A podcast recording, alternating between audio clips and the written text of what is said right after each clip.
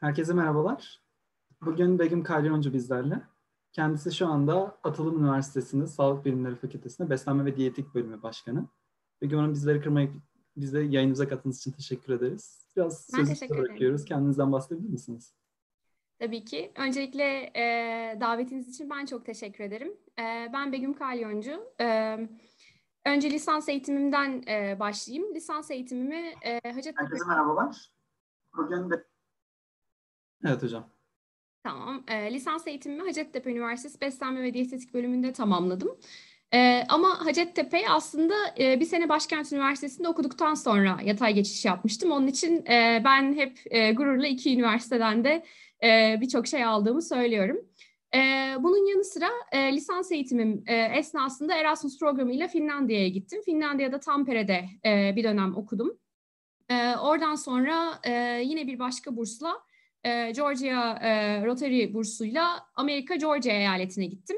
Orada da bir sene e, Armstrong Atlantic State University diye bir yerde e, okuduktan sonra Hollanda'da yüksek lisans programına kabul aldım Maastricht Üniversitesi'nde. E, tam burslu olarak oraya gittim. Orada da sağlık gıda inovasyon yönetimi üzerine e, yüksek lisansımı tamamladım. E, yüksek lisansımı yaptığım esnada e, yani yüksek lisans tezimi Unilever firmasının global e, argesinde çalışarak e, yazdım. O da ilginç, e, hoş bir deneyimdi. Oradan sonra yine e, Türkiye'ye döndüm. Hacettepe Üniversitesi'nde e, doktora eğitimime başladım. Bu arada e, endüstriyel araştırmacı olarak da TNS firmasında çalıştım. Hem nitel hem nicel e, farklı araştırmalarda e, görev aldım. E, ondan sonra e, Özyeğin Üniversitesi'nde bir üç sene öğretim görevliliği periyodum oldu. Ee, Özyeğin Üniversitesi'ni bitirdikten sonra da Harvard Üniversitesi'ne e, yine Fulbright e, bursuyla e, orada Visiting Student Researcher diye bir burs var. Onunla e, Harvard Üniversitesi'ne gittim. Periyodumu tamamladıktan sonra hocamın teklifi üzerine bir yaz dönemi daha kaldım e, hocamın projesinde. Sonra geri döndüm, doktora tezimi tamamladım, savundum ve Atılım Üniversitesi'nde çalışmaya başladım. E, bu arada Türkiye Diyetisyenler Derneği e, yönetim kuruluna girdim. Orada ikinci başkanlık görevimi e, sürdürüyorum. E, iki yılımız var. Üç yıllık bir yönetim kurulu olarak seçildik. Bir yılı bitti. E, onun dışında da e, geçen sene yani 2019 e, Kasım ayında da bölüm başkanlığı e, görevine başladım. Bu şekilde. Çok güzel anlattınız hocam. Teşekkür ederiz. Dolu dolu çok güzel bir serüveniniz geçmiş. Ee, sorulara geçmeden önce ben şu anki hayatınızı sormak istiyorum. Korona günleriniz nasıl geçiyor? Siz ne kadar etkilendiniz? Ee, hayatınız nasıl gidiyor? Yani dürüst olmak gerekirse e, akademik kariyer yapan birisi olarak koronavirüs e, yani bu fiziksel izolasyon bizi çok fazla etkilemedi. Çünkü zaten akademisyen dediğiniz bir kişi hiçbir zaman 9-5 çalışan e, mentalitede birisi asla değil. Yani zaten sürekli çalışıyorsunuz, sürekli aklınızda bir şeyler var. E, derslerimizi de Atılım Üniversitesi'nin gerçekten e, çok güzel bir e, online altyapısı var. Yani e, bu konuda birçok e, üniversiteden daha hızlı harekete geçtiler ve e, biz bütün derslerimizi yapıyoruz. Hatta daha da yoğun geçiyor diyebilirim. E, onun için e, yani şey e, beni çok fazla etkilemedi. Böyle devam ediyorum. Ee, çok sevindim öyle olduğuna. Umarım herkes de en, en az hasarla en az e, evet. e, atlatıyordur diyelim. Gerçekten evet. öyle. Evet öyle. Peki konumuza dönersek sizi diyetisyen olmaya yönlendiren şey neydi hocam? Yani kariyerinizi diyetisyenlik üzerine yapmaya nasıl karar verdiniz? Şimdi tamam, çok güzel bir soru. Şöyle başlayayım. Belki önce diyetisyenlik ve akademik kariyer kısmını ayırabiliriz. Çünkü aslında akademik kariyer dediğiniz şey e, diyetisyenlik yapmaktan biraz farklı. Tabii ki e, çok mutluyum ki hani sahaya diyetisyenler kazandırmak için şu an çalışıyoruz. E, ama aslında benim yaptığım iş tamamıyla akademik boyutu olmuş oluyor. E, diyetisyenlik, beslenme ve diyetetiği niye seçtim? E, benim lise yıllığıma bile bakacak olursanız aslında e, arkadaşlarım, en yakın arkadaşlarımdan biri yazmıştı benim illa yiyecekle ilgili bir şeyler yapacağımı. Yani ben her zaman çok severdim yeni şeyler yemeyi, tatmayı. Belki hayatımın başka alanlarıyla alakalı daha konservatif olsam da yani yemek konusu her zaman benim için çok ilginçti. Sağlıklı olmak olsun. Yani e, o yüzden e, belki e, annemin de belki bu alanda yüksek lisans yapmış olması beni birazcık teşvik etmiş oldu, olabilir. Yine babam e, tıp fakültesinde profesör. Onun için yine bir sağlık bakışım hep vardı. E, o yüzden e, tercihimde etkili olmuşlardır diye düşünüyorum. Bir de yeni yeni çok popülerleşiyordu tabii ki beslenme ve diyetetik. Çok da severek okudum. Yani her anından çok zevk aldım diyebilirim.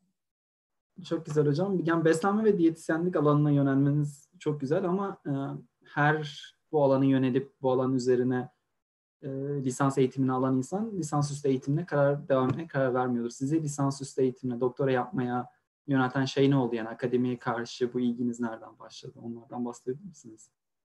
Tabii ki.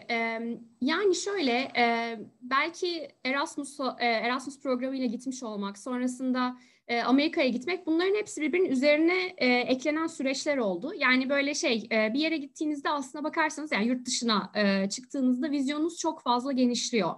Ve şunu fark ettim, insanlar yüksek lisans ve doktora da sadece kendi perspektiflerini genişletmiyorlar. Yani vizyonlarıyla alakalı şey olmuyor. Bir de onlar da bilime katkıda bulunabiliyorlar. Ve e, yani şu bir gerçek ki aslında belki her alan için lisans e, müfredatı ne kadar yeterli bilmiyorum. Yani e, belki doktora herkes için e, yani zorunlu olmayabilir. Çünkü gerçekten çok akademik bir bakış açısı gerekiyor ama e, ben açıkçası e, sadece beslenme diyetetik değil birçok kişiye en az yüksek lisans yapmalarını öneririm. E, çünkü e, çok önemli orada kazanılan perspektifler, e, yani yeni bir e, bakış açısı kazanıyorsunuz, bir alanda biraz daha fazla uzmanlaşıyorsunuz, yeni e, arkadaşlar ediniyorsunuz, e, network'ünüz genişliyor. Yani o anlamda bence çok önemli. Çok güzel anlattınız hocam. Yani bakış biraz şeye değinmek istiyorum. Belki bu oldukça önemli. Doktoranın sadece ünvan kazandırmaktan ve bilgi kazandırmaktan yanında bakış açısından bahsettiniz. Siz biraz biraz da bakış açısından neyi kastediğinizi anlatabilir misiniz? Akademik olarak bakış açısı nedir? Mesela ne kazandırır? Ee, tabii ki akademik bakış açısı e, yani e, dünyaya biraz daha farklı perspektiflerden bakmayı öğreniyorsunuz. Bir kere e, kendim için kazandırdığı en önemli şeylerden bir tanesi birçok insanın duymaktan rahatsız olabileceği şeyleri e, artık siz duymak istiyorsunuz. Çünkü bunlarla alakalı bir şeyleri değiştirmek de istiyorsunuz. Ee, onun dışında yani tek bir hikayenin var olmadığını, tek bir realitenin olmadığını e, çok net görüyorsunuz. Gerek araştırmalarınızda, gerek yaptığınız okumalarda.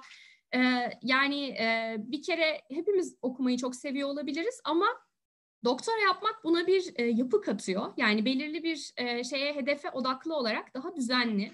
Yani e, hakikaten bir uzmanlığınız oluyor. Bir konu hakkında çok daha fazla şey öğrenmeye çalışıyorsunuz. E, yani e, çok zor bir süreç. Aslında gerçekten kolay bir süreç değil. E, çok fazla travmaları da olan bir süreç ama yani ben e, yine tekrar dünyaya gelsem tekrar yaparım. Yani hatta belki tekrar ikinci bir doktora yaparım bilmiyorum. yani bunları duymak aslında çok güzel bir şey. İnsanın sevdiği mesleği yapması hem de şu anda yaptığı işten memnun olup hani sizin gibi hani herkes demiyordur büyük ihtimalle yine dünyaya gelsem aynı şeyi yaparım. Bunu duyduğuma sizin adınıza da çok sevindim. Peki e, doktora yaptığınızı çok sevdiniz hocam. Ama gönül isterken isteyen doktora yapabilirsin ama bunun biraz da bir kabul süreci, bir yüksek lisansa kabul süreci olduğunu düşünüyoruz, tahmin ediyoruz.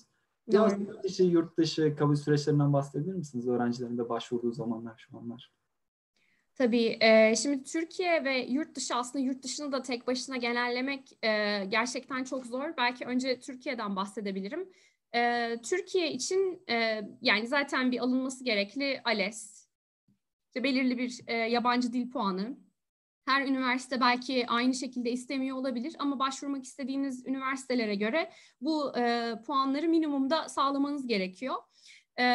Fakat şöyle beslenme ve diyetetikle ilgili şöyle bir husus var. Yani 2008-2009 yılından itibaren bizde yani 3-4 okulken çok fazla okul sayısı arttı. Şu an gerçekten e, çok fazla yerde beslenme ve diyetetik eğitim veriliyor. Birçoğunda tabii ki daha yüksek lisans doktora yok ama e, böyle olunca da e, bazen e, nasıl diyeyim hani hoca konusunda e, biraz sıkıntılı e, bölümler olabiliyor. Bununla ilgili olarak e, kişinin gerçekten beslenme diyetetik altyapısını çok iyi tamamlaması gerekiyor. E, yani olabildiğince biraz kendi kendine de e, çalışması iyi olabilir. Çok iyi yerlerde staj yapmak e, çok e, güzel kapılar e, açılmasına sebep olabilir. Ee, onun dışında tabii ki bir mülakat süreci var. Burada sizin çalışmaya istekli olmanız, yani e, olabildiğince e, akademik kariyer yapma e, hedefli kişileri muhtemelen kabul etmek ister okullar. Tabii ki e, demin de konuştuğumuz gibi herkes akademik kariyer yapmak durumunda değil e, ama yapmasa da bir en azından yüksek lisans yapması iyi olabilir. E, eğer ki öyle bir akademik kariyer hedefi yoksa da sonuçta e, bu işin ona ne sağlayabileceğini e, çok iyi şekilde karşı tarafa aktarabiliyor olması gerekiyor. Yurt dışına bakacak olursak da e, yurt dışında e, bir kere zaten yani TOEFL, işte IELTS gibi bu İngilizce ile ilgili puanlarınızın yüksek olması lazım. Onun dışında e, başka işte GRE, GMAT gibi skorlarınız olması lazım örneğin Amerika'ya başvuracaksanız. Çok iyi bir e, motivasyon mektubu. E, niye o alana gitmek istiyorsunuz? Gerçekten... E, Statement of Purpose diye de geçiyor, SOP diyorlar yani farklı isimleri var. E, o böyle son güne bırakılacak bir şey asla değil. Yani belki en az bir ay üstünde çalışmanız gerekebilir. İnsanlardan yardım almaktan da çekinmeyin. Hatta bence kendi alanınızda olmayan insanlara da okutun ki e, yani şey çok daha herkes tarafından anlaşılabilir bir metin olsun. E, referans mektupları çok önemli oluyor. Genelde bu başvurularda en az üç tane referans mektubu ister e, yurt dışındaki okullar. Ve bu referans mektupları için de önemli olan nokta sadece işte şu öğrenci benim bu dersimi aldı işte A ile geçti. Yok pek o yeterli değil. Biz zaten hani transkripti verdiğimizde o gözüküyor. Yazılan referans mektuplarında aslında o öğrenciyi niye önerdiği, öğrencinin karakteri, yaptığı bir şey yani öğrencinin erdemi nedir, diğerlerinden ayıran şey belki bir e, diğer kişilerin yapmadığı o gönüllü olarak bir kulüp aktivitesinde belki görev almıştır işte belki dernekle ilgili bir yine faaliyette bulunmuştur. Ee, bir girişimciliği vardır, ödülü vardır. Yani e, size kesinlikle böyle şey karakterinizi de tanıyarak e, iyi referans yazabilecek kişilerden bence rica edin bu referans mektuplarını. Ee, onun dışında ne söyleyebilirim başvurularla alakalı? Yani yüksek lisansla ilgili hala yüksek lisanstan sonra alanını biraz alanınızı biraz daha değiştirebilirsiniz ama doktoradan sonra birazcık daha o alanda devam etmeniz gerekiyor. Onun için yani sizin karakterinize en uyacak, en seveceğiniz alanı bence e, yüksek lisansın sonuna kadar e, üç aşağı beş yukarı bulmaya çalışın. Yani mesela bizim alanımız için ben toplum beslenmesiyle ilgili çalışıyorum. E, yani artık bu noktadan sonra yani klinikle ilgili çalışmak e, ya ben istemem açıkçası. Ben toplum beslenmesinde ilerlemek istiyorum. Ee, zaten doktora tezim de onunla alakalıydı. O şekilde devam edeceğim. Ama mesela yüksek lisans tezim Unilever'in global argesinde çalışarak e, yaptığım bir şeydi. Ee, ve birazcık daha değiştirme şansım oldu sonrasında. Gerçi yine e, bu davranışsal teorileri kullandığım bir e, yani onlardan çok faydalandım test çalışmamda. Ama yine de illa tamamıyla aynı hatta olmasına gerek yok. Anlıyorum hocam. Çok güzel açıkladınız. Biraz şeyden bahsetmek istiyorum. Bu hocalardan referans mektubu almaktan bahsettiniz ve statement of purpose'ın çok güçlü olduğunu, yani belki de en önemli iki şeyin başvurularda olduğunu söylediniz. Evet. Hocalardan referans mektubu almak için nasıl bir yol izlemeleri lazım arkadaşlarımız? Yani onlarla çalışmamı yürütmeleri lazım, beraber bir akademik çalışmam olması lazım. E, staj süreçlerini nasıl bulabilirler? Konularda biraz daha bilgi verebilir misiniz? Tabii ki. Yani e, tercihen e, yani başvurduğunuz e, yüksek lisans e, alanına göre de çok değişir. Yani şimdi bizden başvurup MBA de yapabilir kişi. O zaman şimdi e, hocasıyla beraber diyetisyenlikle ilgili bir makale yazması çok önemli olmayabilir ama nedir? Belki bir şirket kurma deneyimi vardır lisans eğitimi esnasında o daha önem kazanabilir. Ama beslenme ve diyetetik alanı ile ilgili e, mesela klinik bir branşta yüksek lisans yapmak istiyorsa ve hocasından da e, onunla alakalı bir referans mektubu alacaksa bir kere zaten e, üç referans mektubunun en azından bir tanesi klinikle ilgili bir hocadan olması çok mantıklı olur. Yani bir tanesini İngilizce hocanızdan işte bir diğerini e, yoga hocanızdan hani öyle o şekilde çok olmuyor. Yani e, birazcık daha alana yönelik. E, ama bunun dışında illa mesela siz klinik e, başvuracaksınız ve bütün üçünün de klinik hocasından e, alınmasına gerek yok. Sizi çok iyi tanıyan, karakterinizi hakikaten orada o referans mektubuna yazabilecek, yani iyi yazacağını düşündüğünüz bir hocadan alabilirsiniz. Sadece e, araştırmada e, görevli e, olmak gibi düşünmeyin. Çünkü Türkiye'de e, her hoca bilimsel araştırma yapma imkanını bulamayabiliyor. Ama belki nedir? E, Demin de söylediğim gibi siz çok aktif bir kulüp e, üyesisinizdir. Yani e, çok fazla aktivite yapmışsınızdır. Belki hani üniversitenin kulübü değildir ama sizin bu yaptığınız programlar gibi e, bir şekilde böyle bir misyonu olan insanlara e, faydalı olabilecek bir şeyler yapmıştır öğrenci ve hocanın dikkatini çekmiştir. Yani derslere katılımı iyidir. Yani e, ne diyeyim aslında şey bunun farklı yolları var. E, diğerleri mesela çok yaz tatilinde hiçbir şey yapmazken bu öğrenci orada da staj yapayım uğraşıyor bir şeyler yapıyor. E, ya bunlar çok önemli çabalar ve e, gerçekten bence ilgili hocalar e, zaten öğrencilerin hepsini tanıyor ve öğrencilerin e, ne yaptığını, e, hedefini üç aşağı beş yukarı biliyor. Bu arada birçok hoca yani siz e, ondan referans mektubu isterseniz hayır diyeceğini düşünmüyorum. E, ama burada size e, gerçekten iyi böyle sizi e, tanıyarak referans yazabilecek bir hocayla konuşmak bence daha iyi olur. Yoksa ancak yazabileceği şey yüzeysel olur. Yani şuradan tanıyorum, şu dersimi aldı, iyi bir insan falan filan ama hani bu e, bence e, birazcık şey e, orta düzey bir e, hatta orta altı bir referans mektubu olur. Daha kişiye özel ve mutlaka yani daha cidden onunla birebir. Kişinin karakterini ortaya koyabilecek. Niçin bu kişi farklı? Yani e, bir de şöyle bir realite var aslında bakarsanız. Referans mektuplarıyla alakalı yani Türkiye için belki bu mektupların yarıdan çoğu hoca şeydi diyebilir. Sen yaz ben e, altına işte imzamı atayım. Yani bu da bir gerçek. Çünkü bazen e, hoca çok da meşgul olabilir. Bu illa hani sizinle ilgilenmediği anlamına gelmiyor. Zaten sizin yazdığınız mektubu da okur. Kendine göre eklemesini çıkartmasını yapar. Ama böyle bir şeye de hazırlıklı olması lazım. Yani ben hani açık konuşayım. Böyle bir durum da var. Çok güzel anlattınız. Ya ben de kendim olmasa bile arkadaşlarımdan hani gençler siz bir taslak yazın sonra bana verin ben sonra hani verip yazacağım şeklinde yapan çok hoca oldu ama hani Doğrudur. bir kısmını çıkartıp bir kısmını tekrar şeyler ekleyip genelde biraz böyle işiyor. Peki e, chatten de bir soru gelmiş referans mektuplarıyla ilgili. E, bu Buyurun. Kendini tanımayı sorduk. Bir, bu hocaların titri ne kadar önemli veya alanlarında tanınması mı çok önemli? Titri ne kadar önemli? O konuda biraz bahsedebilir misiniz? Yani şimdi şöyle, e, hocaların e, titrinin e, her şey olduğunu düşünmüyorum ama yani önemli bir şey sonuçta. E, tabii ki yani profesör bir hocadan e, bir şekilde o referans mektubunu almak güzel. Ama sırf profesör hocadan alacağım diye sizi tanımayan bir hocadan yani sizinle ilgili o demin bahsettiğim özellikleri içermeyecek bir referans mektubu almanın çok bir faydası olduğunu düşünmüyorum. Aynı şekilde mesela üç referans mektubu alıyorsanız bunun e, örnek veriyorum ikisini bölüm hocanızdan bir tanesini İngilizce hocanızdan alabilirsiniz. Yani o da sizinle ilgili çok değerli şeyler yazabilir. Yani İngilizce dediğime bakmayın siz yani e, takı tasarımı dersi alıyorsunuzdur mesela seçmeli ders. Yani oradan da alabilirsiniz eğer ki hoca gerçekten sizinle ilgili e, güzel bir şey yazabilecekse. Ama yani tercihen belki bir tanesini çok senior bir hocadan, e, birini yine sizi çok iyi tanıyan bir hoca, bir tanesi de ya staj yaptığınız bir yerden ya yani e, yine alanınızdan olabilir. Ee, daha belki şey wild card diyorlar ya Amerikalılar biraz daha hani şey e, açık olabilir o üçüncü mektup. Çok güzel hocam. Peki tamam referans mektuplarını aldık. SOP'leri yazdık. Hı hı. Ee, hoca şey oldu mu sizde yani ben buraya mas yani şöyle ben illa buraya master yapacağım üniversiteye bu master'a gideceğim şeklinde mi seçtiniz yoksa yok ben bu alanda master yapacağım. İşte bu hocanın yanında çalışacağım. Hani bu hoca bölüm okul seçimindeki davranış nasıl olmalı? Sizde nasıl olur merak ediyoruz.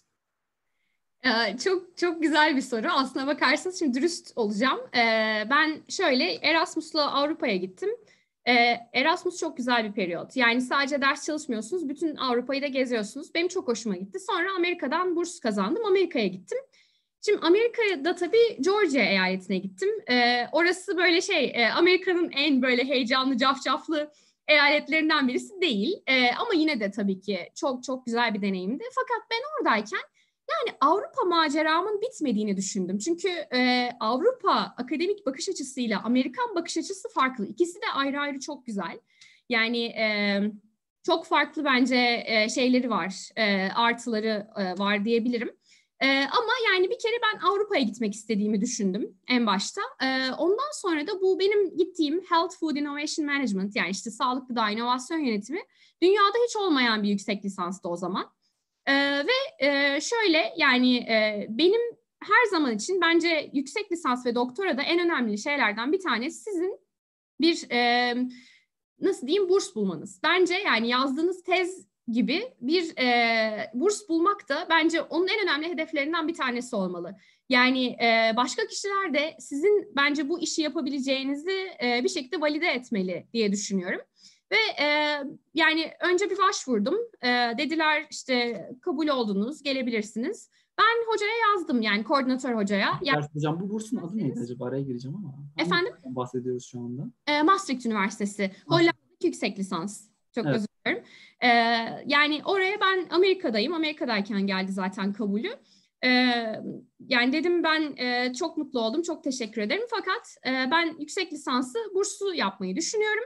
Bir de tabii o arada Amerika'da da başka okullara gidiyorum. Yani birazcık da şey, e, daha tuzum kuru. E, belki o, o da bir e, şeydi, avantajdı benim için. Yani e, çok güzel, çok teşekkürler. Fakat burs almadığım takdirde ben e, gelmeyi düşünmüyorum diye yazdım. E, hoca da bana e, o zaman bizim şöyle bir bursumuz var. İstersen sen bir başvur dedi. Üniversitenin işte şeydi UM High Potential Scholarship diye bir şeydi. Yine e, Maastricht Üniversitesi'nin yüksek potansiyel bursu diye geçiyor. Ben de başvurdum. E, ondan sonra o burs çıktı. O bursta da şöyle e, hem şey okulun e, parasını ödemiyorsunuz hem de o dönem için ayda 800 euro e, burs alıyordum ben. Yani o dönem için güzel bir paraydı. Aslına bakarsanız şimdi için bile yani e, düşününce çok da fena bir şey değildi. E, iki yıl boyunca ben oraya gittim. Unilever'de çalışmaya başladım. Unilever'de çalışırken ayrıca bir de maaş almaya başladım. E, o da güzeldi. E, yani o şekilde oldu.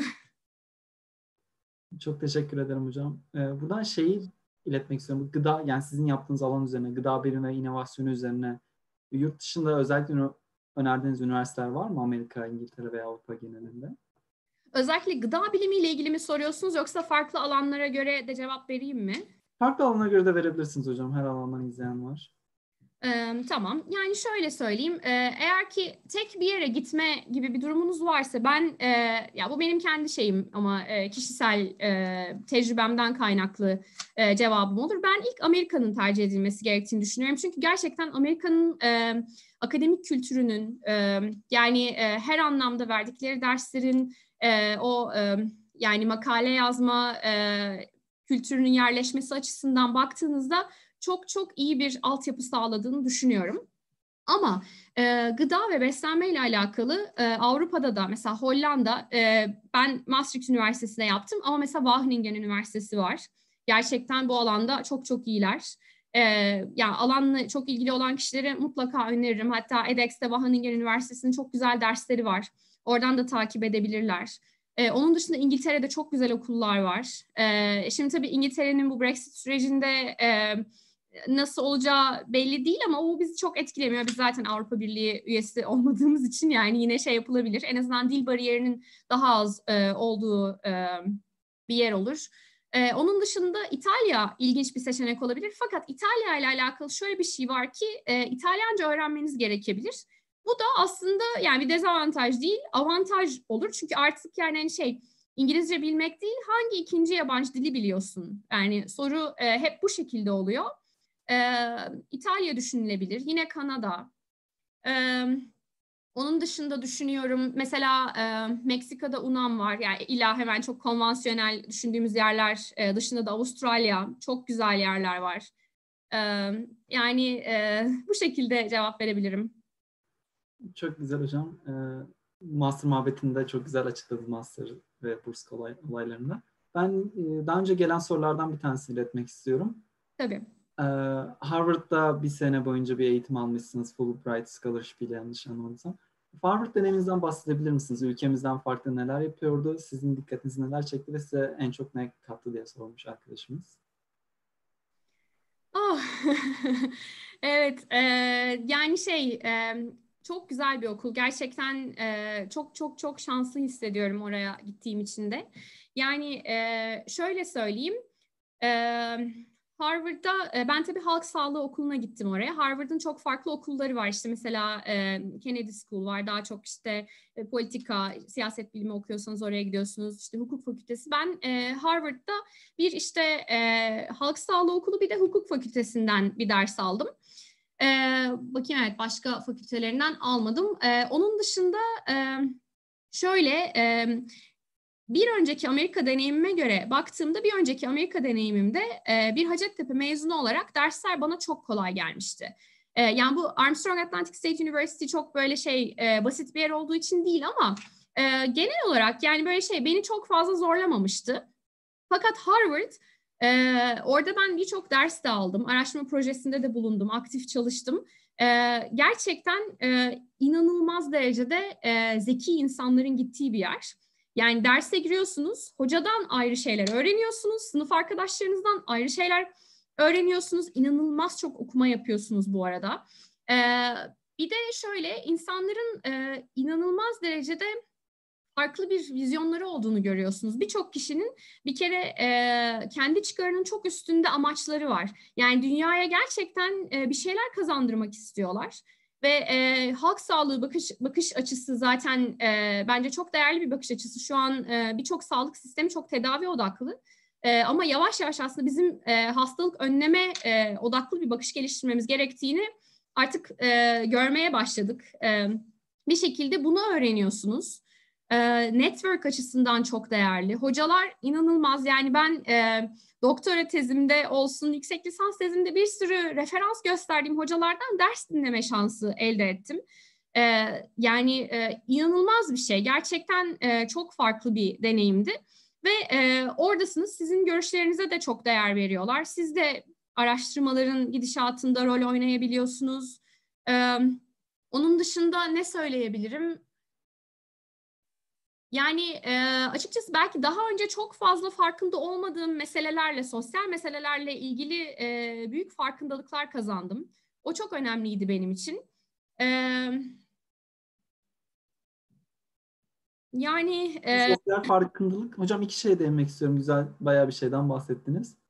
Birincisi hastalık önleme anlamında çalışmalar yapıldı dediniz. Yani bu aslında oldukça önemli bir konu şu anki de dünya hastalıklarla çalkalanıyor. Hı hı. Hasta olmadan hastalığı önlemek de çok önemli. Siz bu, bu konuyu biraz daha açabilir misiniz hastalık önlemeyi?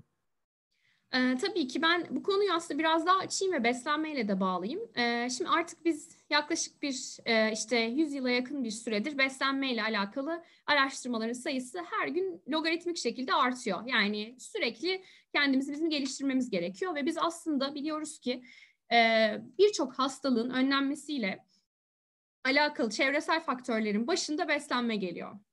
Yani e, o kadar önemli ki artık beslenme sadece beslenme ve diyetetikle ilgilenen akademisyenlerin değil, yani e, psikolo psikoloji okuyan insanların, istatistikçilerin, bilgisayar mühendislerinin, farklı diğer mühendislik alanındaki birçok kişinin ilgisini çeken bir alan. Yani tezlere bakıyorsunuz, o kadar çok e, böyle farklı alanlarda beslenmeyle ilgili tezler var ki e, yani çünkü niye e, artık halk da aslında bakarsanız bunun farkında, şirketler bunun farkında bir e, talep olduğu için beslenme ile ilgili araştırmaların da sayısı çok artıyor. Uygulamalara bakıyorsunuz mesela telefon aplikasyonları e, beslenme ile alakalı oluyor. Meta veriler nasıl beslenmeyi daha iyileştirebiliriz veyahut da işte şey e, genlerle alakalı çalışmalara bakıyorsunuz. Yani bunlar çok ağırlık kazanıyor. Yani nedir? Biz hala e, yeterli derecede beslenme araştırmalarına fon alabiliyor muyuz? Ee, ne Türkiye'de ne dünyada ben yeterli fonu alabildiğimizi düşünmüyorum. Yani mesela siz hala bir savunma sanayi ile ilgili proje yazarsanız e, kabul şansınız biraz daha fazla olabilir maalesef bence. Ama e, yani en azından artık e, birçok e, gerek e, devlet kuruluşunun gerek özel sektörün e, akademinin e, beslenmenin ve sağlığın e, korunulmasıyla alakalı hastalıkların önlenmesinin ne kadar önemli olduğunu e, anladıklarını görüyorum. O yüzden de bence beslenme çok e, heyecan verici bir alan. Ger yani sadece beslenme diyetetik mezunu olmanız gerekmiyor aslında bu alanla ilgili çalışma yapmak için. Yani biz e, multidisipliner bir şekilde de çalışarak e, bu alanı e, çok daha fazla geliştirebiliriz. Çok güzel açıkladınız hocam. Bununla alakalı da bir soru var aslında chatten gelen. E, direkt beslenme değil ama besin bilimi üzerine laboratuvarlarda araştırma yapmak istiyorum demiş bir arkadaşımız. Hı hı. Kendimi gelecekte besin bilimi üzerine bilime yenilik katılacak bir insan olarak hayal ediyorum. Nasıl bir yol izlemem gerekiyor diye sormuş genel olarak hem Türkiye'de hem ülkemiz e, yurt dışında. Şimdi tabii bu yazan kişi acaba lise öğrencisi mi, üniversite öğrencisi mi tam olarak e, bilemiyorum. E, bilgi vermemiş maalesef. Tamam. Yani e, besin bilimiyle alakalı e, eğer ki çalışma yapmak istiyorsa bence e, yani ya herhalde beslenme diyetetik okuyacak, gıda mühendisliği gibi bir alan olabilir. Yine gıda teknolojileriyle alakalı çok farklı e, branşlar var, veterinerlik olabilir. E, böyle bir e, bölümü bitirdikten sonra e, yine o alanda e, yüksek lisans yapmasını öneririm. Ama e, şimdi laboratuvarda çalışmak çok ayrı bir e, karakter özelliği gerektiriyor. Yani mesela bana göre değil laboratuvarda çalışmak e, kesinlikle.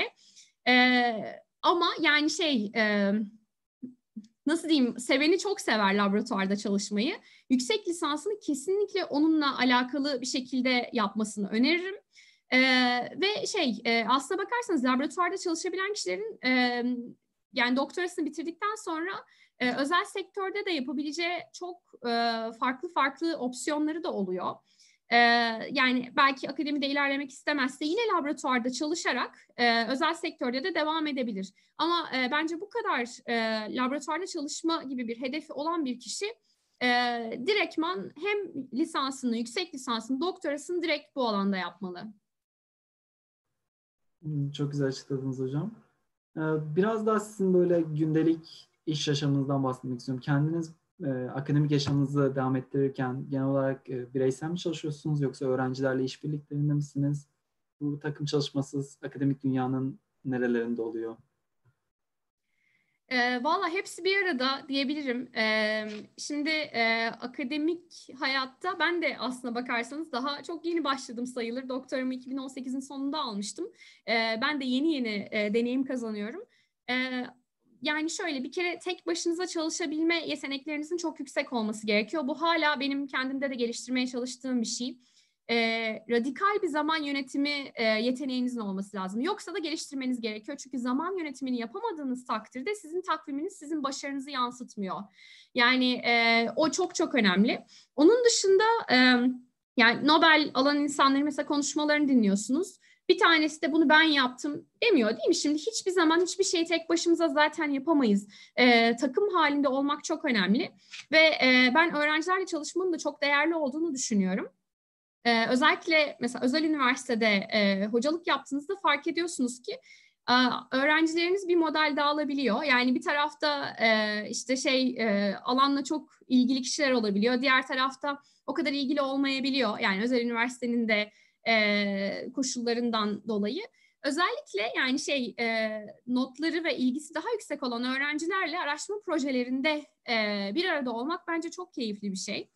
E, çünkü genç insanların enerjisi çok güzel. Bir kere e, araştırma yaparken siz onlara daha lisans seviyesinde, yüksek lisansla doktora da öğrenebileceği bir şeyleri de öğreniyor, e, öğretiyorsunuz. Onlar da size e, çok güzel bir şekilde yani veri toplama süreci olsun, analiz süreci olsun, e, yani çok çalışkan bir şekilde destek oluyorlar. E, ikisi bir arada. Ben e, Atılım Üniversitesi'nde özellikle çok şanslıyım. Şu an mesela üç tane e, çok iyi araştırma görevlimiz var ve e, çok güzel çalışabiliyoruz hem onlarla hem de e, lisans öğrencilerimizle. Hepsi olmalı yani. Hem kişi tek başına da çalışabilmeli, ekiple de çalışabilmeli. Çok önemli. Yani çok yönlü olmak gerekiyor. Kesinlikle, kadarıyla. kesinlikle. Yani tek başınızda içinize kapanmış bir e, şey olamazsınız. Beslenme biliminde en azından olamazsınız. Belki sosyal bilimlerin belli branşlarında e, tek isimli makaleler daha değerli olabilir ama bizde e, tek isimli makale yazmak bile belki bir nevi negatif bile olabilir. Niye acaba anlaşamıyor mu? Nasıl olur yani böyle şey bakıyorsunuz veri toplanmış bir sürü. Yani tek isim bana çok e, garip geliyor böyle bir şey. Çünkü biliyorsunuz tek kişinin yapması imkansıza yakın bunları. Evet doğru söylüyorsunuz yani bu collaboration bir beraber çok, çalışmak. Çok önemli. Peki e, sizin alanınızda ilerleyecek bir insanın sadece akademik kariyerde mi ilerlemesi lazım? Sizin gibi hem iş tecrübesi olup hem akademik hem pratik kariyerde ilerlemesi mi daha mantıklı olur? Sizin tecrübeniz nasıl oldu? Yani şöyle bence burada e, yani şu doğru bu yanlış e, diye bir şey olduğunu düşünmüyorum. Biraz kişisel bazda kişisel tercih meselesi bu. E, ben şu an örneğin doçentliğe kadar en azından e, daha çok e, tek akademik kariyerde ilerlemek e, bana daha cazip geliyor. Ama akademisyenlerin yani çok başka şekillerde farklı iş yapma özgürlükleri de var. Mesela danışmanlık şirketi kurabilirsiniz ya da bizim alanımızdaysa klinik olarak çalışabilirsiniz. Ama bir kere devlet üniversitesindeyseniz teknokentler dışında pek e, çalışma yapma şansınız sınırlı. Ee, özel üniversitede de yine e, sizin işte ya mütevelli heyetten ya e, üstünüzdeki diğer hocalardan izin almanız gerekiyor konuyla alakalı olarak. E, bilmiyorum ben e, tamamıyla akademik e, odaklı bir insan olduğum için benim tercihim sadece akademiye yönelmek. Çünkü e, zaten çok fazla işle uğraşıyoruz.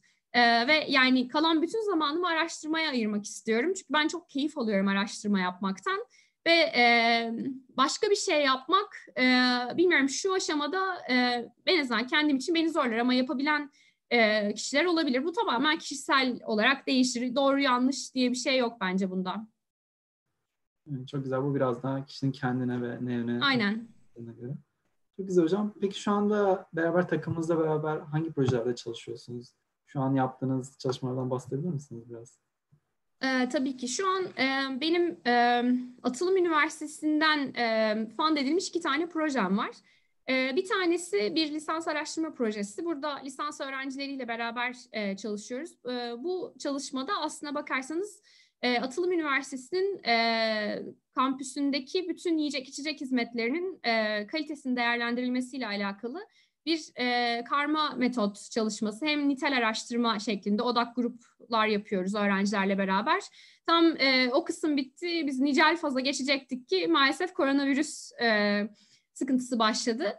E, o şekilde bir çalışma var. Çünkü gerçekten e, çevresel olarak yani fark etmesek de bizim e, bu yiyecek içecek işletmeleri sağlığımızı çok fazla etkiliyor. Ve e, şöyle bir şey bence güzel yani sırf araştırma yapmak için araştırma yani hani e, tabii ki bazı bilimsel projeler belki çok e, akademik düzeyde kalıyor. O da çok değerli. Ama ben e, açıkçası yaptığım her projenin bir toplumsal etkisinin de olmasını istediğim için yani e, projenin bir e, somut çıktısının da e, olmasını çok önemsiyorum. O proje öyle bir proje. Diğer proje ise e, gıda yardımlarıyla alakalı bir e, proje. O da yine e, benim çok önemsediğim bir konu Türkiye'de yaşayan e, göçmenlerin göçmen anne babaların e, aldıkları gıda yardımlarını e, aldım e, aldıkları gıda yardımlarıyla ilgili deneyimlerini e, anlamak için e, başladığım bir proje. E, diğer e, çalışmalarımız ise e, sosyal jet lag diye bir kavram var. Bilmiyorum e, duydunuz mu? İşte şey mesela hafta içi e, uyuduğunuz süre işte yattığınız e, saatle hafta sonu yattığınız saat çok farklı olabiliyor. Bu da aslına bakarsanız e, sosyal jet lag yani e, normalde jet lag e, meridyenler arası uçtuğunuzda e, görülen bir şeyken e, sosyal programınızdan ötürü de olabiliyor. Bununla alakalı yine oruçla ilgili çalışmalarımız var. E, bir taraftan da Türkiye Nüfus Sağlık Araştırması veri setini e, kullanarak farklı analizler yapıyoruz. Ee, yani halka açık e, veri setlerini değerlendirmek önemli oluyor. Ee, bu tarz e, farklı farklı analizlerimiz var aslında. Yemek pişirmeyle alakalı e, çalışmalarımız var. ama daha çok toplum sağlığıyla ilgili diyebilirim. Çok güzel açıkladınız. Aslında her alandan farklı farklı çalışmalarınız varmış hocam. Yani toplumun farklı kesimlerine dokunan. Anladığım kadarıyla biraz daha böyle yaptığınız araştırmaların insana dokunan bir yanı olmasını seviyorsunuz yani e, toplumda bir karşılık bulacak araştırmalar olduğunu.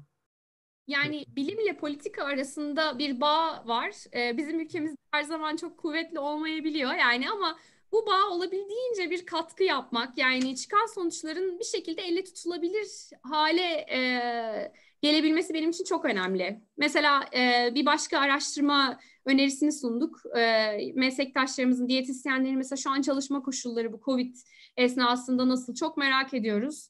E, bu da çok önemli. Yani e, bizler beslenme ve diyetetik mezunları hakikaten e, birbirlerini de çok tutan veya tutması gereken bir grubuz. E, o yüzden gerçekten e, diyetisyen arkadaşlarımın da ne durumda olduğu e, beni çok şey yapan, endişelendiren ve yani bir şekilde e, bilmek istediğim bir konu. Çok güzel açıkladınız aslında yani. Peki e, araştırmanızı yaptıktan sonra mesela bu hem göçmenler üzerine olsun hem yeni yapmak istediğiniz diyetisyenler arasındaki araştırma. Siz işi araştırmasını yapıp e, makaleyi basıp bırakıyor musunuz yoksa bunun biraz daha uygulamaya dönmesinde işin biraz daha e, nasıl diyeyim böyle yürütmeye dönmesinde de uğraşmayı seviyor musunuz yani? Hani nerede bırakıyorsunuz onu merak ediyorum yani. ben araştırmacıyım mı diyorsunuz yoksa devam var mı?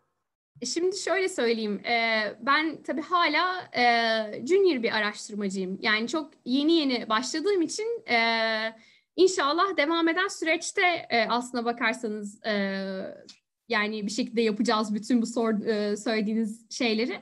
Ama yani ben kesinlikle sadece araştırma yaptım bitti gibi olsun istemem. Yani bir şekilde en e, kötü ihtimalle yani bir e, gazete yazısı şeklinde de belki bulduğumuz sonuçları bence halkla paylaşmak çok önemli. Çünkü e, yani bu bilimsel makaleler e, herkes tarafından okunmuyor. Sadece dil bariyerinden dolayı değil. Yani o kadar fazla makale var ki gerçekten e, bir şekilde ulaşmayabiliyor. E, o yüzden mesela göçmenlerle alakalı çalışmadan örnek vereyim. E, onun sonuçları çıktıktan sonra zaten proje de o şekilde yazılmıştı. Biz bir çalıştay yapacağız. Mesela göçmenlikle alakalı çalışan farklı bakanlıklar, farklı STK'lardan insanlar bir araya gelecek, sonuçlar paylaşılacak. Acaba nasıl politikaları iyileştirilebilir gibi üzerinde bir çalışma da yapılacak. Yani sadece bunun bir paper olarak kalmasını istemem. Ne kadar çok sonuçlar yayılırsa o kadar iyi bence. Çok güzel açıkladınız. Sonuç olarak direkt insanlara inen ve insanlarla ilgili bir e, alanda araştırma yapıyorsunuz. Ne güzel. Yani, e, makalenin insanlara inmesi ve topluma inmesi açısından da onun kolaylaştırılması ve anlaşılabilmesi belki de e, tanıtım yollarının artırılması önem kazanıyordur diye düşünüyorum. Evet. Ee, çok güzel. Ee, yani pek çok araştırma yürütüyorsunuz. Hem veri topluyorsunuz hem insanlara beraber makale yazıyorsunuz. Yani insanlarla beraber çalışıyorsunuz. İnsanlarda belirli aradığınız özellikler var mıdır? Veya kendiniz e, yanınıza öğrenci aldığınız zaman belirli aradığınız kriterler veya insani özellikler var mıdır? Evet yani kesinlikle bu da önemli bir soru. Ee, alanı bence sevmesi çok önemli, ilgili olması çok çok çok önemli. Tabii ki yani sürekli kendini bir şekilde geliştirmesi. E, ama bir taraftan da tabii ki çalışkan olması, e, yapacağım dediği şeyleri yapması. E, dediğim gibi bunlar bir süreç. Yani ben de bu konuda mükemmel değilim. Ben de bir şekilde sürekli kendimi geliştiriyorum. E, ama bir de belki e, alan dışı olarak da iyi bir insan olması çok önemli. Çünkü gerçekten e, yani böyle şey e, sizin akademide birçok araştırmalar yürürken dersler bir tarafta böyle şey e, böyle dedikoduydu şuydu buydu bunlarla bir vaktinizin e, kaybolması gibi bir durum söz konusu olamaz. Yani sizin hakikaten bir şekilde verimli, mutlu e, şekilde çalışabileceğiniz insanları arıyorsunuz. Ben hep çok şanslıydım e, bu konuda herhalde. Bu e, pandemiye kadar iki tane de bizim lisans öğrencimiz vardı. E, beraber çalıştığımız, tabii biz yeni bir e, fakülte olduğumuz için e, idari olarak bizi e, desteklemesi adına biz iki tane de lisans öğrencimizle çalıştık. Bu da çok güzel bir şey. Üniversitenin sağladığı e, çok hoş bir imkandı. E, ve tabii ki o, o öğrenciler de alanla çok ilgili öğrencilerdi ve benim de çok e, rahat çalıştığım e, öğrenciler e, o şekilde seçtik. Çok güzel açıkladınız. Aslında bu söyledikleriniz hem sizin alanınızı hem de diğer alanlara genelleştirebilecek. Tabii, aynen öyle, aynen öyle. Yani hani bir spesifik bir tarafı yok. Ee, çok güzel. Biraz daha e, iş tarafınıza kaymak istiyorum. Chat'ten gelen bir soru var. Tabii. Ee, Unilever'da çalıştığınızdan bahsettiniz hocam. Ee, buradaki işinizden bahsedebilir misiniz? Hem arkadaşlar galiba başvuru ve mülakat süreçlerini ve e, işte neler yaptığınızı sormuş. Tabii yani Unilever gerçekten e, bence çok güzel bir firma. E, çok orada da çok keyifle çalıştım. E, mülakat süreçleri biraz zorlu. E, yani benim zamanımda birkaç aşamaydı herhalde. Yani e, dediğim gibi Hollanda'da e, Vlaardingen'deki global arge kısmına e, ben başvurmuştum. O şekilde en son e, yüz yüze mülakat da yaptık. Çalışacağınız araştırma takımından insanlar geliyor. Sonuçta e, her gün yüz yüze bakacağınız kişiler. Yani yine o demin sorduğunuz soruyla çok yakın. Belki yani şey e, beraber iyi çalışabilir miyiz? Ama tabii e, bunların hepsi üst üste eklenen bir süreç yine. Yani CV'nizdeki birçok şey e, sizin o noktaya gelmenizi destekliyor. E, Unilever'de nasıl söyleyebilirim? Yani şeydi ben oradayken bilmiyorum şu an nasıl olduğunu ama işte work hard, play hard. Yani e, gerçekten çok çalışıyorduk ama bir şekilde e, çok da keyifliydi. Ben işte hayatımda ilk defa böyle e, hiç gitmediğim farklı restoranlara e, şirket tarafından götürüldüğümü hatırlıyorum. İşte çok ilginç deniz taksileri böyle farklı e, şeylere e, gittik. Ama tabii ki hiçbir zaman hiçbir işi sadece pırıltılı taraflarından ötürü asla seçmeyin. Yani bu akademide de olur, Unilever'de de olur. Yani siz e, hakikaten e, haftanın en az 6 günü işte belki 10-12 saat çalışmayı bir göze almanız gerekiyor. Bir de biz tabii ki dok- şey yüksek lisans tezimizi de yazdığımız için diğer birçok arkadaşa göre biraz daha farklı fazla çalışıyorduk. E, yani onun dışında bu niye olmadı? Yani e, ya bir şeyin mutlaka her şeyin çok zamanında yapılması gerekiyor. Birçok farklı takımlarla çalışıyorsunuz. Bir kere çok e, uluslararası bir e, ortamı var. Dilinizin çok iyi olması gerekiyor ve e, farklı kültürlerle çok iyi çalışabilme e, çalışabiliyor olmanız gerekiyor e, yine. E, onun dışında ne söyleyebilirim? Unilever'le alakalı olarak. Ee, yani herhalde gıda endüstrisinde çalışmayı e, kabul etmeniz lazım. Benim için şeydi ben hani e, varoluşçu krizleri yaşayan bir insanım. E, en nihayetinde yani hayatımın amacı e, sadece bu olmamalı diye düşündüm. Ama bu benim kendi düşüncem. Yani çok değerli bir şey bana kalırsa gıda e, endüstrisinde de çalışmak. Sonuçta hepimiz e, artık hani gıda endüstrisinin ürettiği şeyleri tüketiyoruz. Bu e, kişisel bazda sizin yapmayı düşündüğünüz şeyse e, kuruma ne katabilirsiniz? Bunu düşünmelisiniz. E, yani onu söyleyebilirim. Çok güzel hocam. Oradaki yaptığınız gerçekten işten biraz bahsedebilir misiniz? Peki ne yapıyordunuz Unilever'da veya genel olarak sektörde e, sizin alanınızda mezun olan insanlar ne gibi iş imkanları oluyor? Ya, neler yapıyorlar?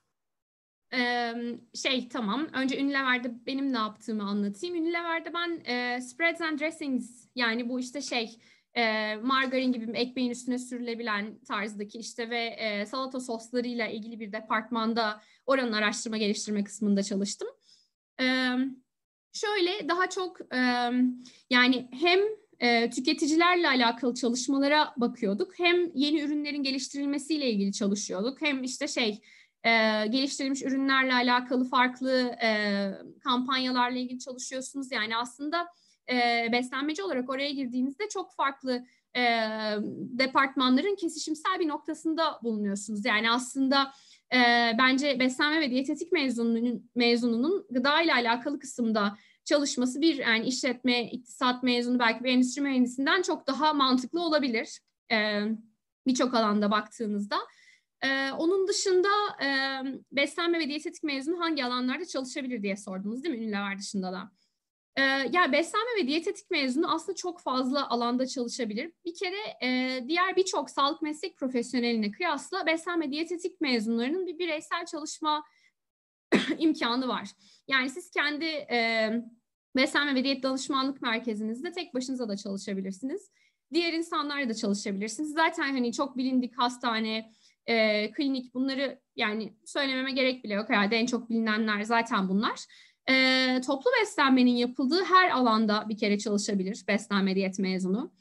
E, bunun dışında e, sporcu beslenmesi çok önemli bir alan.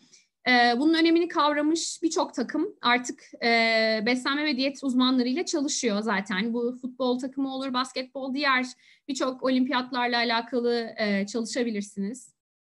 E, onun dışında e, yine anaokulları olur, huzur evleri olur, e, girişimcilikle alakalı bütün sağlıklı beslenme ile ilgili her şeyde e, çalışabilirsiniz. Çok geniş bir çalışma alanı da varmış aslında. Çok güzel açıkladınız hocam. Teşekkür ederiz. Güzel. Çok güzel şeylerden bahsettiniz. Hem Unilever'da çalıştığınızdan hem yurt dışında hem Hollanda'da hem Harvard'da olsun doktora çalışmalarınızdan bahsettiniz. Ama bunların hepsinin aslında bir e, stepping stone dedikleri yani başlangıç noktası var. O da Bunların hepsini yapabilmeniz için bir İngilizce bilmeniz gerekiyor. Sizin İngilizceyi geliştirme süreciniz nasıl oldu öğrenmeniz, devam etmeniz ve e, İngilizcesini geliştirmek isteyenlere tavsiyeniz nedir? Bu da chatten gelen sorulardan biri.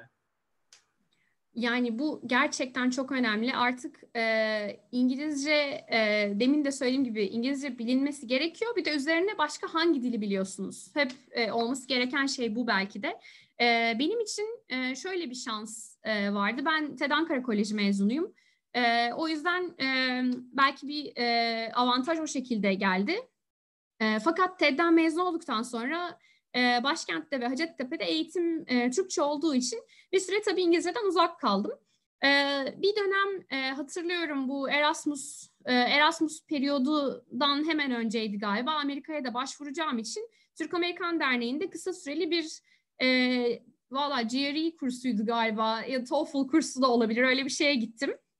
Ondan sonra e, benim herhalde İngilizcemi geliştiren en önemli şeylerden bir tanesi e, Finlandiya'ya gitmiş olmak. Çünkü siz bir dili çok iyi bilebilirsiniz, okuyabilirsiniz, yazabilirsiniz. Mesela e, işte e, Hikmet sen Bilkent'te okuyorsun. Evet. Bütün dersleriniz İngilizce, paperlar yazıyorsun.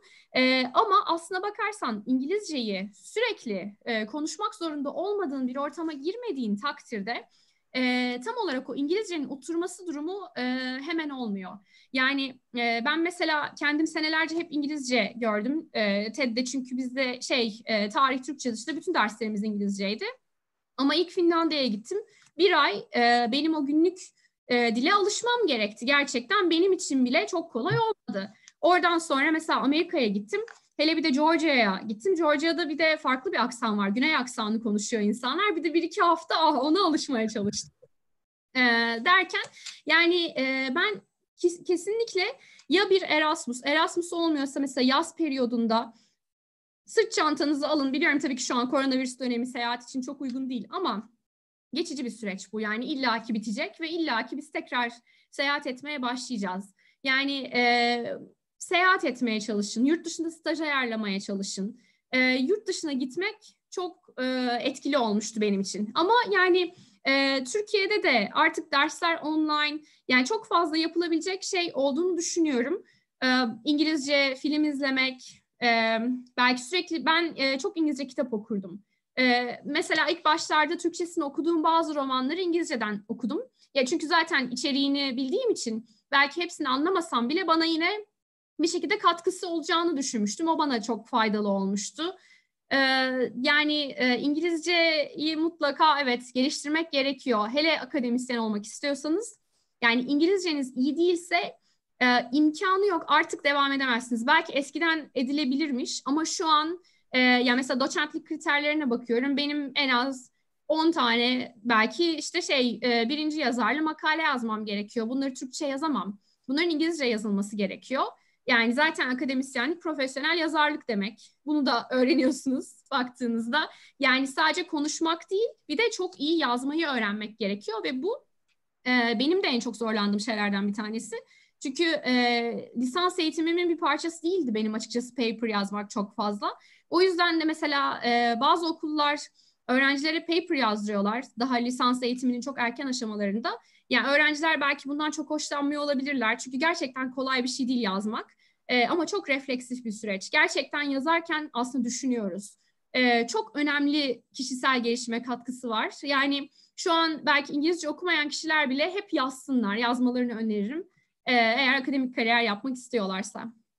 Ha, çok güzel açıkladınız açıkçası. Ben de birkaç noktaya değinmek istiyorum bu konuda. İngilizce yaşayarak öğrenilen bir dil. Cidden sadece hani okuyarak veya ders alaraktan ziyade bir şekilde kendinizi o ortama atıp orada e, yani o şey comfort zone dedikleri Amerikalıların işte o rahat alanından çıkıp kendinizi böyle içinizin bunaldığı ortamda zorlamanız gerekiyor konuşmayı ki konuşabilirsiniz ama bu da gerekiyor yani.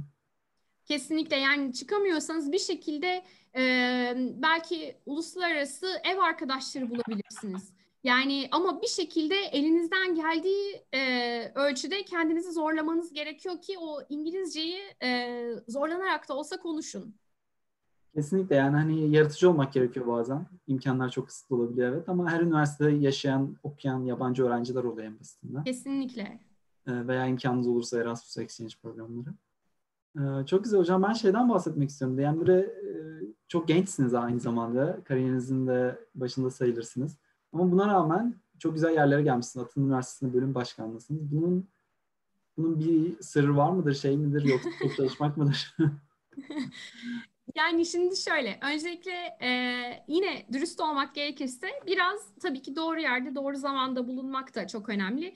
Demin de söylediğim gibi 2008 yılından sonra bizim e, alanımızda bir anda çok fazla okul açılmaya başladı. Beslenme ve diyetetikle ilgili her yerde bölümler açılmaya başlandı ve e, tabii ki hoca sayımız kısıtlı. Birçok hocamız emekli oluyor. Ee, öyle olunca şu an gerçekten birçok senior hocalar bir de çok genç hocalar var. Yani e, orta ortası çok az. Hakikaten çünkü hoca sayımız çok az. Yani o yüzden belki doğru zamanda doğru yerde bulunmak gibi söyleyebilirim. Onun dışında yani tabii ki çok çalışmak. Ben çok çalışmayı hep sevdim. Okumayı çok seviyorum. Bir de e, tabii şöyle bir şey var. E, bu habitus çalışmaları diyorlar bunlara. Mesela işte e, üniversite sınavında yüksek puan alan e, öğrencilerle ilgili bir hikaye anlatmıştı bir e, film hocası, e, bir film hocam.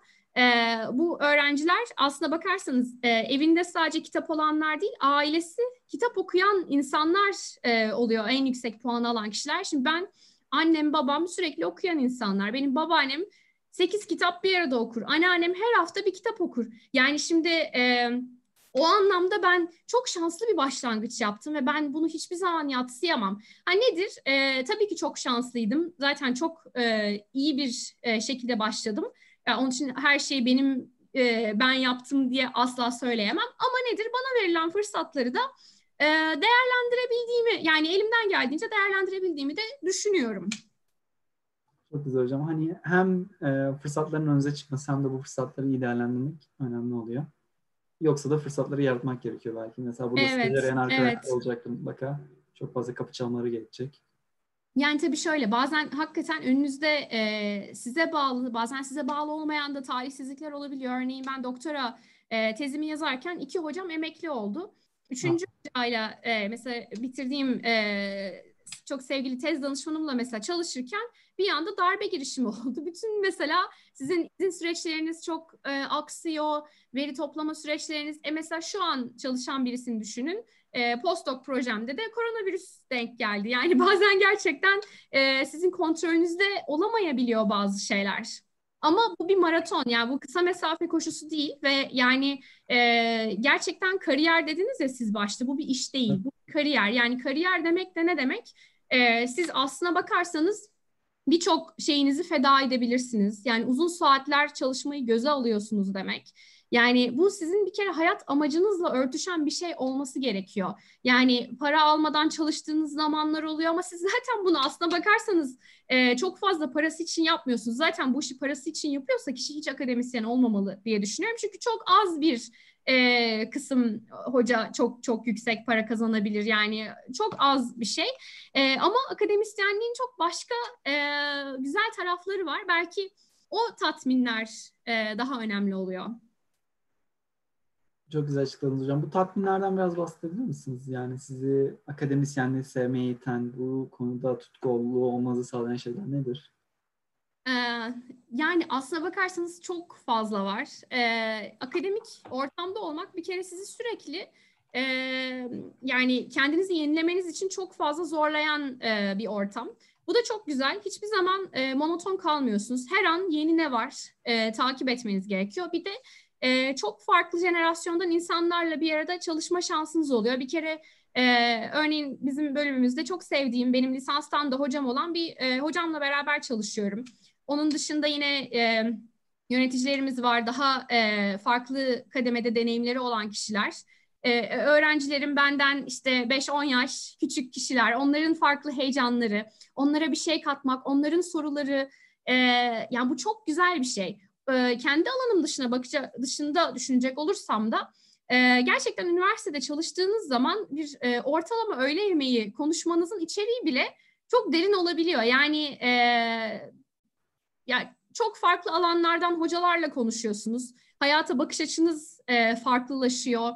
Yani kampüste çalışmak bence zaten çok güzel bir şey. Birçok kampüs çok yeşil, e, çok güzel peyzaj mimarlarıyla çalışıyor çalışıyorlar. Gidiyorsunuz yani hakikaten çok hoş bir ortamınız e, oluyor. Bir de e, tabii en önemli şeylerden bir tanesi e, biraz daha esneksiniz. Akademisyen aslında biraz e, bu e, 1900 işte onların Paris'inin işte bohem sanatçıları gibi de oluyor bir yerde. Çünkü e, idari görevlerinizle size bir şeyler e, yani yapılmanı e, onları yapmanız gerekir. Yani o işinizin bir parçası. Ben onu kariyer olarak görmüyorum. O işiniz. Ondan da para kazanıyorsunuz. Yapacak bir şey yok. E, onu yapıyorsunuz. Ama öte taraftan kimse size şunu araştır, bunu araştırma gibi bir şey dikte edemez. Yani e, bu çok önemli bir özgürlük.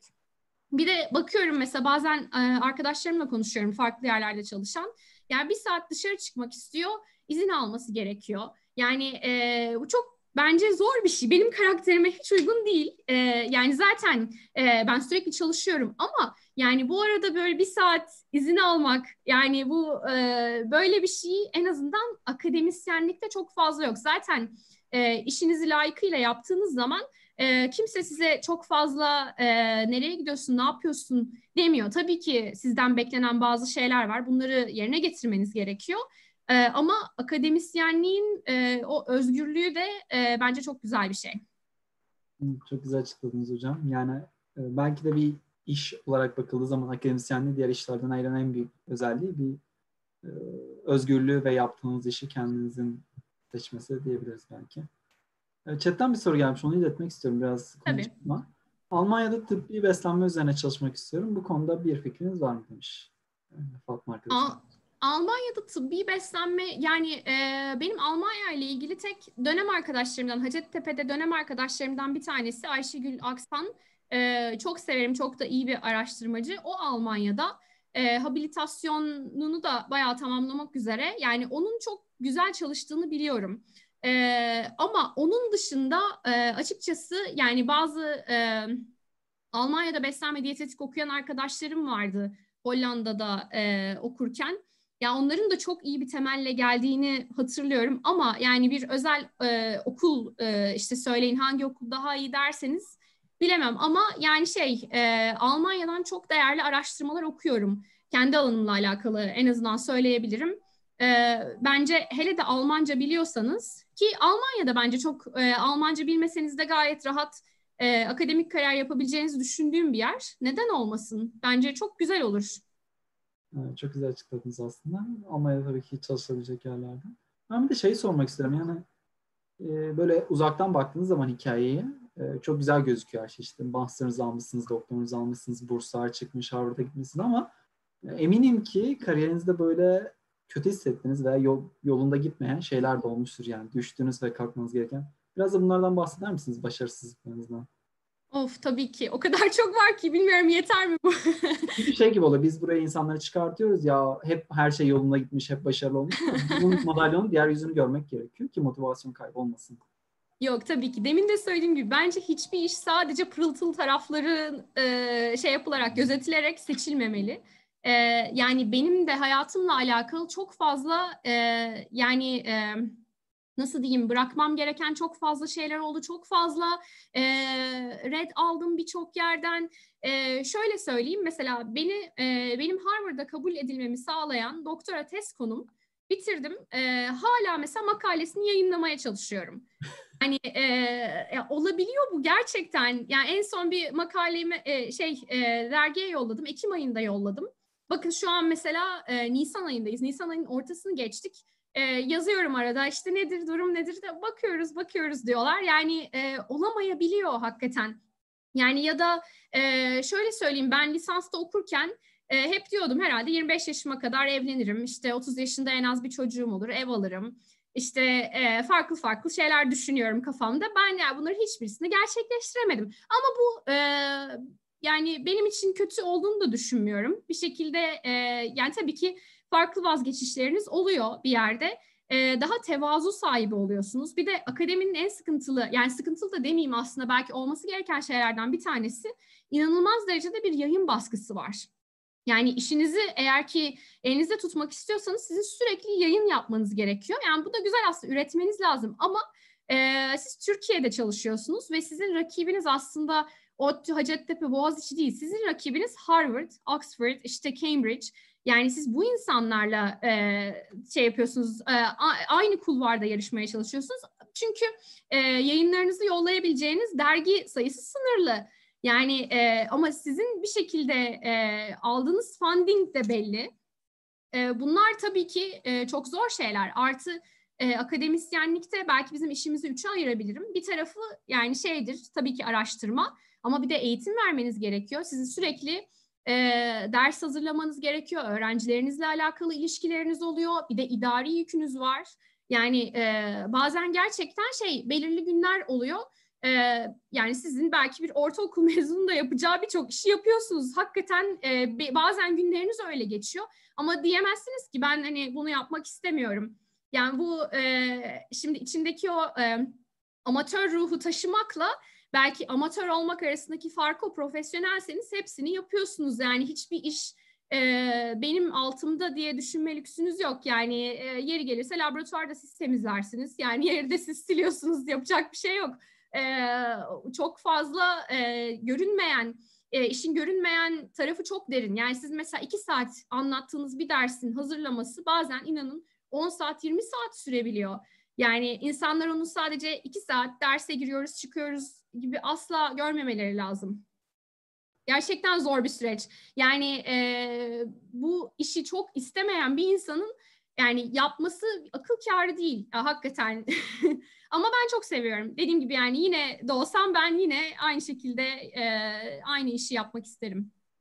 Yani çok güzel açıkladınız. Bunu aslında biraz yani öğrenci tarafından baktığı zaman öğrenci akademisyenin derse girip çıktığını, not verip e, sınav hazırladığını görüyor belki ama bu işin tabii ki çok daha farklı işleri. Bana kendi hocam işte ders vermek benim yaptığım işin sadece yüzde onu demişti. Hatta yüzde onu bile değil demişti. Hı hı. Ee, çok da doğru bir şey. Ve çok şey doğru. hocam böyle e, yani bakıldığı zaman hani esnek çalışma saatleri özgürüz diyorsunuz ama şeyi düşünüyor musunuz? Yani normal bir işte çalışanına göre daha fazla mı çalışıyorsunuz? Aynı mı? Daha az Kesinlikle. Mı? Kesinlikle çok daha fazla çalışıyorsunuz. Yani belki sadece akademi için değil. Aslında esnek çalışma saatleri e, beraberinde hak kaybını da getiren bir şey. Çünkü yani evet. e, belki eskiden e, üç ayda bitmesi gereken bir işi e, sizin işte bir ayda yapmanız gerekebiliyor. Ama nedir? Esnek çalışıyorsunuz zaten e, falan gibi bir şey olabiliyor. Sadece akademi için değil bu. Ee, ama yani e, bizim her an bir kere devam eden, beynin arka planında devam eden şu araştırmayla alakalı ne yapsam, ay şurada şu paper yazacaktım, şimdi şu toplantım var. Yani bir kere gerçekten gecesi gündüzü olmayan bir şey. E, hafta sonu, e, yani kesinlikle e, bir hayat tarzı akademisyen olmak bence. E, tabii ben çok junior'ım. E, yine bunları hep söylüyorum e, bir şekilde... E, yani yolun daha çok başındayım ama e, bunun bir e, hayat tarzı olduğunu kendi babamdan da hep e, gördüm. Benim için de bu şekilde oluyor ama ben seviyorum. Çünkü e, çalıştığım zaman ben kendimi mutlu hissediyorum. Bir nevi benim meditasyonum gibi oluyor bu. Çok güzel. Yani bu hem çalışmayı sevmeniz hem kendi yaptığınız işi sevmeniz belki de buna motivasyon sağlıyor. Peki bu o kadar iş arasında zamanınızı nasıl yönetiyorsunuz? Yani kendi gündelik hayatınızı, gündelik yani belli bir uyguladığınız metodunuz var mı yoksa Öyle o, gidiyor mu? Ben, ben de ben de kendim geliştirmeye çalışıyorum o konuyla alakalı. Yani e, keşke çok daha iyi olabilsem. Yani ama umudum var. İnşallah bir zaman ben de istediğim noktaya ulaşacağımı düşünüyorum. E, yani gerçekten çok planlı olmaya çalışıyorum. Evet ne yapıyorum? Bir kere e, ben 3-4 aylık planlar yaparım. Genelde böyle işte şey e, Nisan ayında işte Haziran'da Temmuz'da e, ne yapacağımı 3 aşağı 5 yukarı bilirim. Tabii ki bu koronavirüs süreci e, ilk defa böyle benim bu kadar önümü göremediğim bir süreç e, oldu ama yani burada da uyuyan bir sürü makalelerimiz vardı. Şimdi onlara en azından birazcık ağırlık verme şansımız oluyor e, bu periyotta da. E, yani günü çok verimli kullanmaya çalışıyorum. E, yani işe gittiğim dönemde şimdi artık evden çalışıyorum ama yani 5'te 6'da e, en geç kalkarım. Yani e, nedir? E, günlük benim mesela meditasyon bence çok önemli bir şey kişinin e, mental sağlığını da koruması için. E, o çok önemli. Yapılacak işlerime bakarım. E, onları yaparım.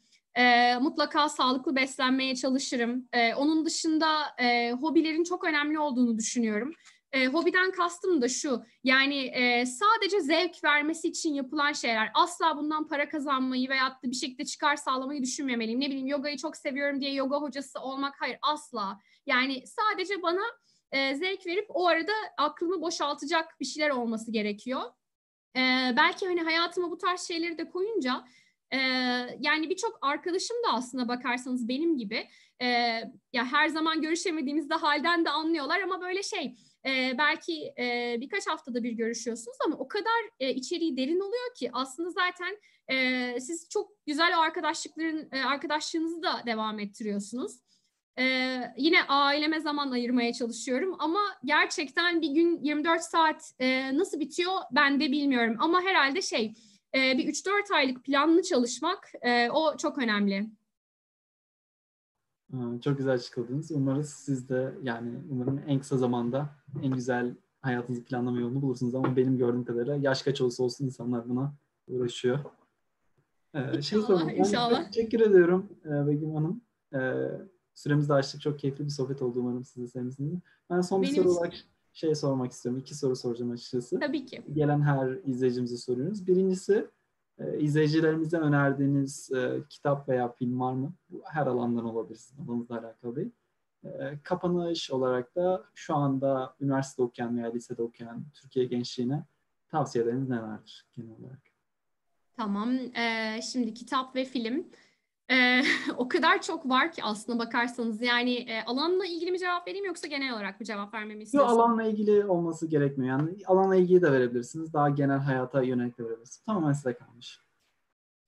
Ee, şimdi şöyle ben e, belirli bir süre böyle bu kurgu kitapları çok e, okumuyordum. Hep daha çok işte şey e, ne bileyim otobiyografik okuyorum, e, davranışsal ekonomiyle alakalı okuyorum, daha bilimle ilgili popüler bilim kitapları okuyorum. İşte yok e, kurgu okumak istemiyorum diyorum. Ama e, bunun aslında çok büyük bir eksiklik olduğunu fark ettim. Bence e, kurgu da çok önemli. E, farklı kitap türlerini okumak çok değerli. Denemeler e, yine çok e, önemli. E, birazcık kişinin bence kendi kültürünü tanıması da e, ya belki çok fazla üstünde düşünmediğimiz, konuşmadığımız bir şey. E, ama bence e, özellikle Cumhuriyet dönemi Türk Edebiyatı'nın e, yani çok müthiş ustaları var. Bu kişilerin kitaplarının kesinlikle okunması gerektiğini düşünüyorum. Bir işte Reşat Nuri Güntekin, Ahmet Hamdi Tanpınar, ee, onun dışında yeni yazarlar çok sevdiğim e, mesela Onur Caymaz edebiyat atölyelerinde de çok takip ediyorum. Ee, onun dışında e, ne olabilir? E, tabii ben e, yani feminizm de benim için çok önemli olduğu için e, kadın yazarlar, bu konuda yazılmış e, eserler, e, gezi kitapları. Çünkü seyahat etmeyi çok seviyorum. E, benim için en önemli şeylerden bir tanesi seyahat etmek.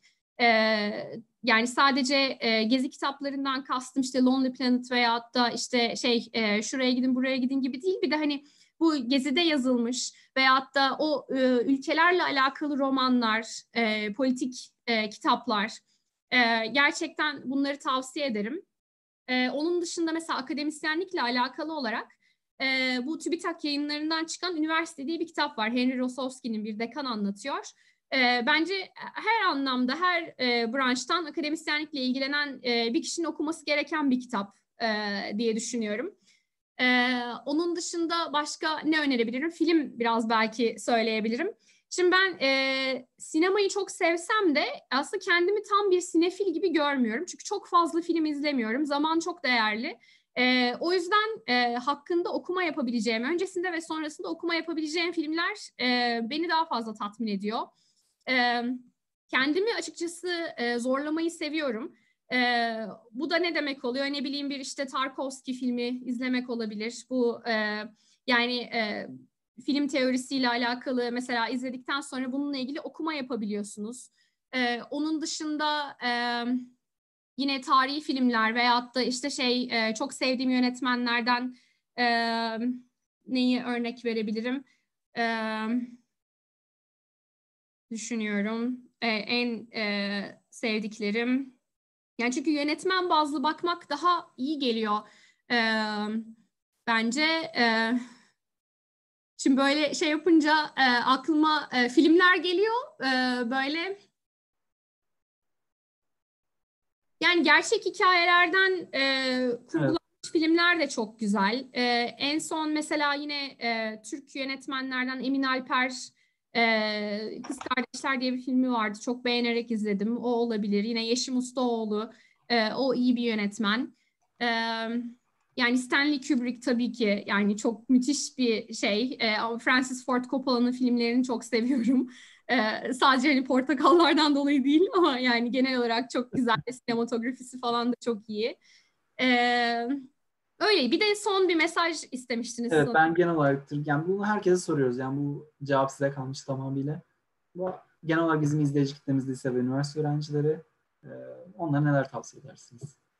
Ya benim öncelikle e, belki hiç buna değinmedik e, ama yani söylemezsem e, hani sonrasında şey e, üzülürüm diyeceğim en önemli şey bence e, yurt dışında okusanız bile Türkiye'ye tekrar geri gelin. Çünkü e, yani Türkiye'nin gerçekten kaliteli akademisyene çok fazla ihtiyacı var. Sadece akademisyen anlamında değil, e, kaliteli çalışacak her türlü insana çok çok çok ihtiyacı var ve burası çok güzel bir ülke. E, onun için e, yani eğer ki çok fazla para kazanmak e, yani buysa sadece amacınız bence e, ya bu yeterli bir amaç değil. Gerçekten bir şeyler öğrenin ama sonra tekrar Türkiye'ye gelin e, ki biz Türkiye'yi bir şekilde ilerletelim, daha iyi bir noktaya taşıyalım. Bu çok önemli bir mesaj. Bir de bence kimse kendi kültürünün e, en üst olduğunu düşünmemeli. Çünkü aslında biz e, çok random faktörlerin bir araya gelmesiyle var olmuş bireyleriz. Yani o yüzden her kültüre yani e, bu sadece şey için söylemiyorum. Bu işte e, etnik grup olur, din, e, dil, e, yemek kültürü her anlamda yani çok açık olmak gerekiyor ve yani hiçbir kültürün diğerinden daha üstün olduğunu düşünmemek gerekiyor. E, bu anlamda bence e, yani e, daha bir e, toleranslı, hoşgörülü ve e, tevazu sahibi olarak bakmak lazım. Ben bunu söyleyebilirim. çok güzel açıkladınız. Kesinlikle öyle. Ee, bunlar kazanarak elde ettiğimiz şey değil, doğarak elde ettiğimiz şeyler. Bunlarla başka insanlara kendimizi kıyaslayamayız dediğiniz gibi. Aynen öyle. Yani aynen öyle. Tamamıyla rastsal bazı şeyler oluyor. Ee, ve yani insanın yaptıklarıyla e, gurur duyması bence çok daha önemli olduklarındansa yani e, bir de yani mesela şey e, hani bazı titirler falan bakıyorsunuz işte bölüm başkanı şu bu. Yani onların çok fazla bir önemi yok aslına bakarsanız. Kişinin ne yaptığı, e, ne kattığı bunlar çok daha önemli şeyler. Kesinlikle katılıyorum. E, Begüm Begüm Hanım çok teşekkür ederiz yanınıza katıldığınız için. Rica çok ederim. Ben çok oldu. teşekkür ederim. Çok sağ olun. Ee, izleyicilerimize çok teşekkür ediyoruz güzel sorular için. Yarın Tufan Kıymaz bizlerle beraber olacak. Kendi okulunda Bilkent Üniversitesi'nde hoca. Onunla beraber e, felsefe konuşacağız. E, farklı bir alanda. Yarın yine aynı saatte akşam 8'de görüşmek üzere. Hoşçakalın. İyi günler.